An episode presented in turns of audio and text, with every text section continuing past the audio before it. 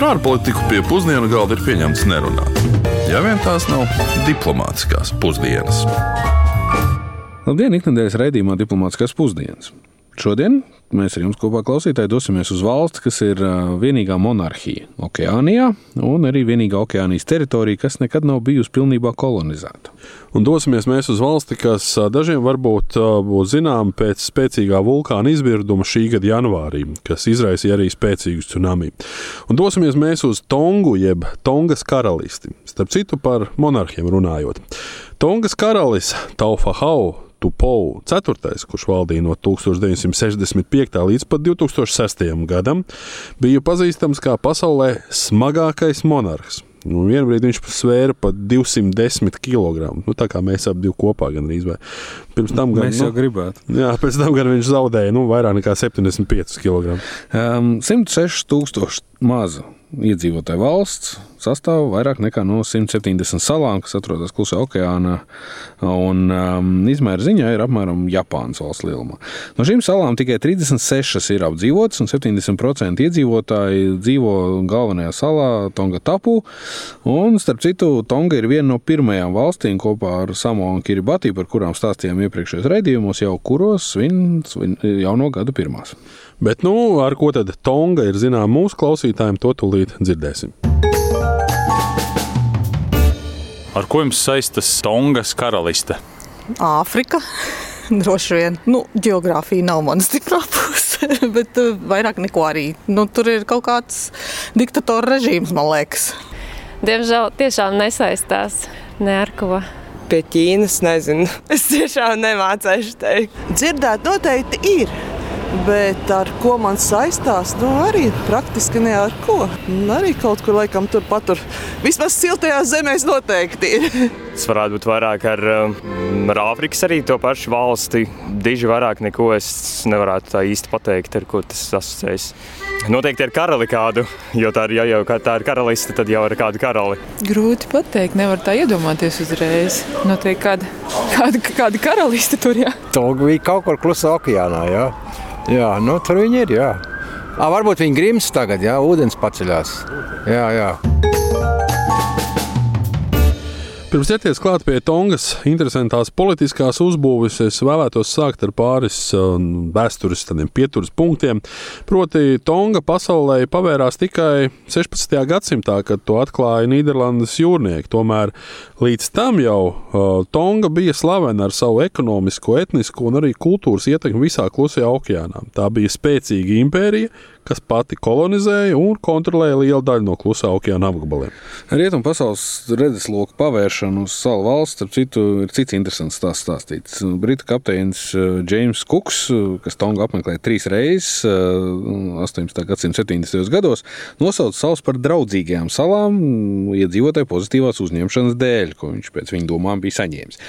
Patiesībā uzņemšana, kas tika rīkot, bija plānota kā slasts, lai izlaupītu viņa kuģi un pašu kapteini nogalinātu. Nu, Taču sakarā ar to, ka Tonga iedzīvotāji nevarēja vienoties un realizēt savu plānu, viņi atteicās no kapteiņa nogalināšanas. Mūsdienās frāze draudzīgās salas faktiski tiek izmantot turisma mārketingam. Bet iedomājieties, kāda karma apēst, tad apēst. Tikai citur. Jā. Bet, nu, atgriežoties pie politiskās puses, sākoties pilsoņu kariem 17. un 18. gadsimtā, noslēdzās arī Tongas impērijas status. Un tad viens no zināmākajiem Tongas karavīriem, Tau Fahau, Tupou I ierosināja apvienot Tongas karaļvalsti. Viņam tas izdevās, un tikai 19. gadsimta beigās, 1875. gadā, pasludināja Tongu par konstitucionālu monarhiju. Nu, ņemot vērā Tongas politisko sistēmu, monarhijas ir iedzimtās. Nu, valdnieku pēctecība notiek vienas ģimenes ietvaros. Tādēļ nākošo valdību pārņēma Džordžs Topo II, kurš uzreiz pieņēma lēmumu slēgt protektorātu līgumu ar apvienoto karalisti, un tas notika 1900. gadā. Galvenokārt Savukārt iemesls bija saistīts ar konkurējošiem Tongas vadoņiem, kas mēģināja viņu gāzt. Nu, respektīvi, grib iekšpolitisko stabilitāti, tad izraugies ārējo vai nu protektoru vai ienaidnieku. Kā protektorāts Tonga gan nekad pilnībā nezaudēja savu autonomiju, taču ārpolitiski tā kļuva izolētāka un sociālā hierarhijā vairāk noslēņojas starp mužnieku grupu un parasto iedzīvotāju slāni. Starp citu, mūsdienās Tongā pastāv 33 tradicionāli augstmaņu mužnieku tituli un apmēram viena trešdaļa no parlamentu vietām ir rezervēta tieši tiem. Par protektorātu izbeigšanu vienošanos tika panākta tikai 1965. gadā jau karaļa Tupola 4. vadībā. Un jāsaka, ka tālākā Tongas vēsture ir piepildīta ar uh, dažādiem nelieliem nemieriem, jaunām pro-demokrātijas kustībām. Uh, Vecākais pagrieziena punkts gan bija 2006. gadā, kad protestētāji panāca, ka karalis Džordžs Tupols, nu jau piektais, paziņoja par savu atkāpšanos no lielākās daļas savu pilnvaru līdz parlamentu vēlēšanām. Uh, un viņam nomirstot 2012. gadā, viņa vietā stājās viņa brālis Ahoeitu Tupols sēstais.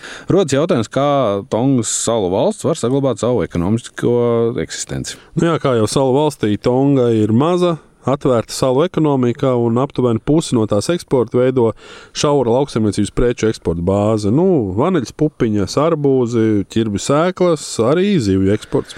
Turisms patiesībā ir tas, kas ir otrs lielākais ienākuma avots, un 2019. gada beigās, pirms Covid sākšanās, valstī reģistrēja 94 tūkstoši turistu. Nu, viņa pēc šiem cipariem ieņēma godpilno 170. vietu pasaules turisma reitingā.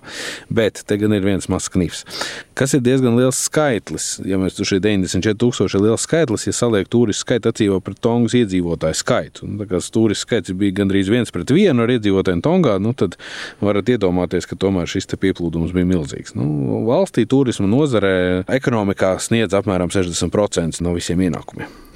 Nu, tomēr par spīti visam kopumā valstī ir jāimportē lielākā daļa no produktiem, un valsts imports trīs reizes pārsniedz eksportu. Un, uh, galvenās valsts, no kuriem tiek importētas preces, ir Fidži un Jaunzēlanda. Un, uh, pamatprodukti ir gan uh, naftas produkti, mājputnu gaļa, dažāda audio aparatūra, apraides aprīkojums, arī diezgan tipiski Jaunzēlandē aitas gaļa. Jā. Pēdējais nozīmīgais sektors, kas veido IKP daļu, no kā valsts, protams, absolūti joprojām ir atkarīga, un tas atkal nav jau pārsteigums. Bieži vien esam par šo runājuši, ir ārējā palīdzība un naudas pārvedumu pašiem no savas diasporas. Nu, to Tonga izmanto, lai kompensētu tirdzniecības deficītu. Nu, saskaņā ar Pasaules bankas datiem šis galvenais ienākuma avots atbilst apmēram 30% no valsts iekšzemes koprodukta. Ja mēs par iekšzemes koproduktu runājam, tad uz vienu iedzīvotāju pēc pirmspējas paritātes salīdzinām ar Latviju, Tongas IKP uz vienu iedzīvotāju ir astoņas reizes mazāks. Vēl viens izaicinājums Tongai tās atrašanās dēļ ir tropiskie cikloni, tsunami, vulkāniskās aktivitātes. Tā valstī katastrofu gados tiek skarti aptuveni nu, 40% no Tongas iedzīvotājiem, un valsts ekonomiskie zaudējumi ir parasti līdzvērtīgi 14% no IKP. Savukārt tā dēvētajos lielajos katastrofu gados kaitējums ir līdzvērtīgs pat 60% no IKP. Nu jā, nu, šeit noteikti jārunā arī par to jau tevis iepriekš minēto masīvo vulkānu izvirdumu šī gada janvārī, kas izraisīja tsunami viļņus un dažu stundu laikā izplatījās visā klusajā okeānā. Nu jā, šie tsunami viļņi skāra pat Austrāliju, Jaunzēlandi, Japānu, kā arī Ziemeļamerikas, Dienvidamerikas rietumu krastus. Um, atmosfēras triecienu vilnis tika konstatēts visā pasaulē, un daži geologi saka, ka nu, šāds tiešām šāda jaudas izvirdums ir iespējams nu, reizes tūkstošos gados, ja ne pat lielākā laika sprīdī. Nu, par šo apmēru arī Pasaules bankas novērtējumā Tongas valdībai šis vulkāna izvirdums, tsunami un pelnu kritums radīja zaudējumus apmēram 85 miljonu eiro apmērā. Nu, kas no Latvijas viedokļa raugoties, varbūt tās nebūtu tik daudz, bet, uh, ja mēs skatāmies no Tongas viedokļa, tas atbilst apmēram 20% no visas valsts saimniecības, jeb IKP. Par to, ar ko tad saskars Tonga Kongas iedzīvotāji šādu dabas katastrofu laikā un arī pēdējā vulkāna izvirduma laikā par to, kā tas ietekmē Tongu, to stāsta no žurnālista no Tongas Marijāna Kupu. I don't know how I can describe or compare what we experienced, what we seen. Es nezinu, kā es varu aprakstīt to, ko mēs piedzīvojām, redzējām un izjutām 15. janvārī. Tā bija jauna un ļoti biedējoša pieredze, kuras nekad neaizmirsīšu. Visapkārt panika, rindas un apjukums, jo mums nebija ne pieredzes, ne zināšanu, kas būtu jādara ne paša izvirduma laikā, ne tsunami laikā, ne pēc tiem, kad uz zemes sāka birt akmeņi un pelni, un kad mēs uzzinājām, ka dažas salas ir pilnībā iznīcinātas. Visa valsts, visa sala bija nosakta ar pelniem, no pašas mazākās līdz pašai augstākajai ēkai. Mēs savās dzīvesvietās parasti savācam lietus ūdeni, jo tas mums ir dzeramais ūdens, un parasti tas ir tīrs un ļoti labs. Kad nosēdās vulkāniskie pelni, mūsu ūdens rezervuāri tika piesārņoti un tika ieteikts šādu ūdeni nelietot. Mums gan paveicās, jo ļoti drīz salai pieveda palīdzību. Tur bija gan ūdens, gan pārtika, gan nojumes tiem, kuri bija zaudējuši savas dzīvesvietas tsunami laikā. Patiesībā mēs Tongā katru gadu gaidām kādu dabas stihiju. Viesuļvētru sezona turpinās no janvāra līdz martam, un reizēm pat ilgāk. Katru gadu mēs gaidām tropiskos ciklonus, un šādām viesuļvētru sezonām mēs gadu garumā vienmēr esam bijuši sagatavoti. Taču mēs nebijām gatavi šādam vulkāna izvirdumam. Šeit uz galvenās salas mēs vēsturiski esam uzskatījuši, ka Tonga nav pat vulkāniska sala. Jā, divas tālākās salas, kas jau atrodas blakus Samoā, ir vulkāniskas, taču ne šī, kur atrodas galvaspilsēta. Lai arī šis vulkāna izvirdums bija mums kaut kas jauns, es nedomāju, ka tā ir pēdējā dabas katastrofa, ar kur mums nāksies saskarties. Kā jau teicu, mēs katru gadu gaidām, ka kaut kas notiks, jo mēs vienkārši nevaram ietekmēt dabu. Taču mums ar to ir jāsadzīvo, un mums tas ir normāli. And this is normal for us here in the island. Rezumējot, laikam jāsaka, ka Tonga ir salu valsts, kas ir neaizsargāta pret vairākiem dabas apdraudējumiem, tās atrašanās vietas un topogrāfiskā rakstura dēļ. Nu, galvenie apdraudējumi no vienas puses ir zemestrīce, tsunami, tropiskie cikloni un sausums, no otras puses valsts ekonomiskā nestabilitāte un liela atkarība no ārējiem naudas pārvedumiem. Nu, kā parādīja pēdējais vulkāna izvirdums, cerams, ka pēdējais, visi valsts sektori bija paralizēti un ģimenes, kuras paļāvās uz palīdzību no ārsts, nespēja to saņemt līdz ar to tehnoloģiju un komunikāciju un infrastruktūras sabrukuma dēļ faktiski bija šīs te palīdzība liekta. Lai cik būtu paēdis, vienmēr ir vieta arī desertam. Un šodien uh, desertā parunāsim par uh, salām. Nu, Galu galā Tonga tomēr sastāv no vairāk nekā 170 salām. Un sāksim mēs ar sešiem zēniem, kas izdzīvoja 15 mēnešus vieni paši uz neapdzīvotas salas. Respektīvi, sešu zēnu grupa vecumā no 13 līdz 16 gadiem aizbēga no internāta skolas Tongas vienā no salām un nozogot laivu, plānoja doties prom no salas, taču ceļojuma laikā iekļuva vētrā un cieta katastrofā, nokļūstot uz vienas no neapdzīvotajām salām. Nu, viņas vēlāk 1000 1966. gadā atrada austrāliešu zvejnieks Pīters Vorners. Atgriežoties Tongā, zēns nekavējoties ieslodzīja par laivas zādzību.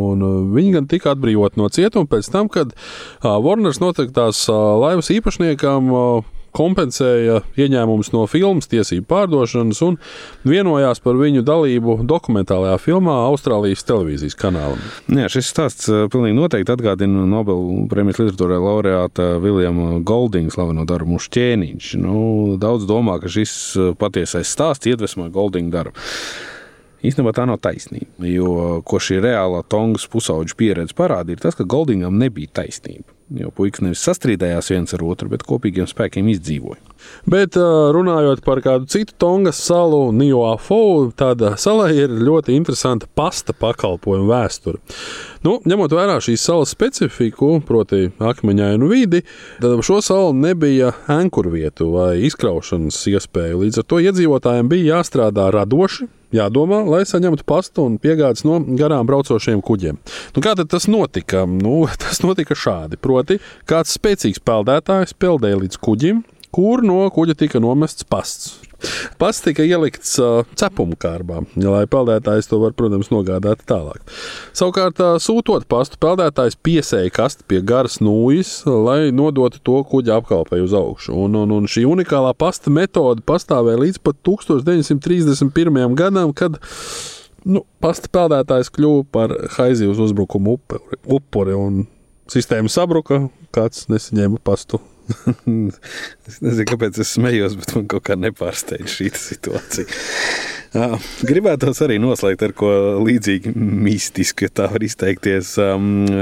Tongā pastāv sala, kuras nosaukums ir Funuafu, kas Tongas valodā nozīmē jaunā sala. Šī sala ir īpaša ar to, ka tā periodiski uzpeld un tad pazūd. Nu, ar laiku šis koraļu rīfs uzpeld un tad vairākām desmitgadēm atkal nogrimst. Tad cilvēki turpina gaidīt, kad viņš izcelsies. Pašlaik slēpjoties.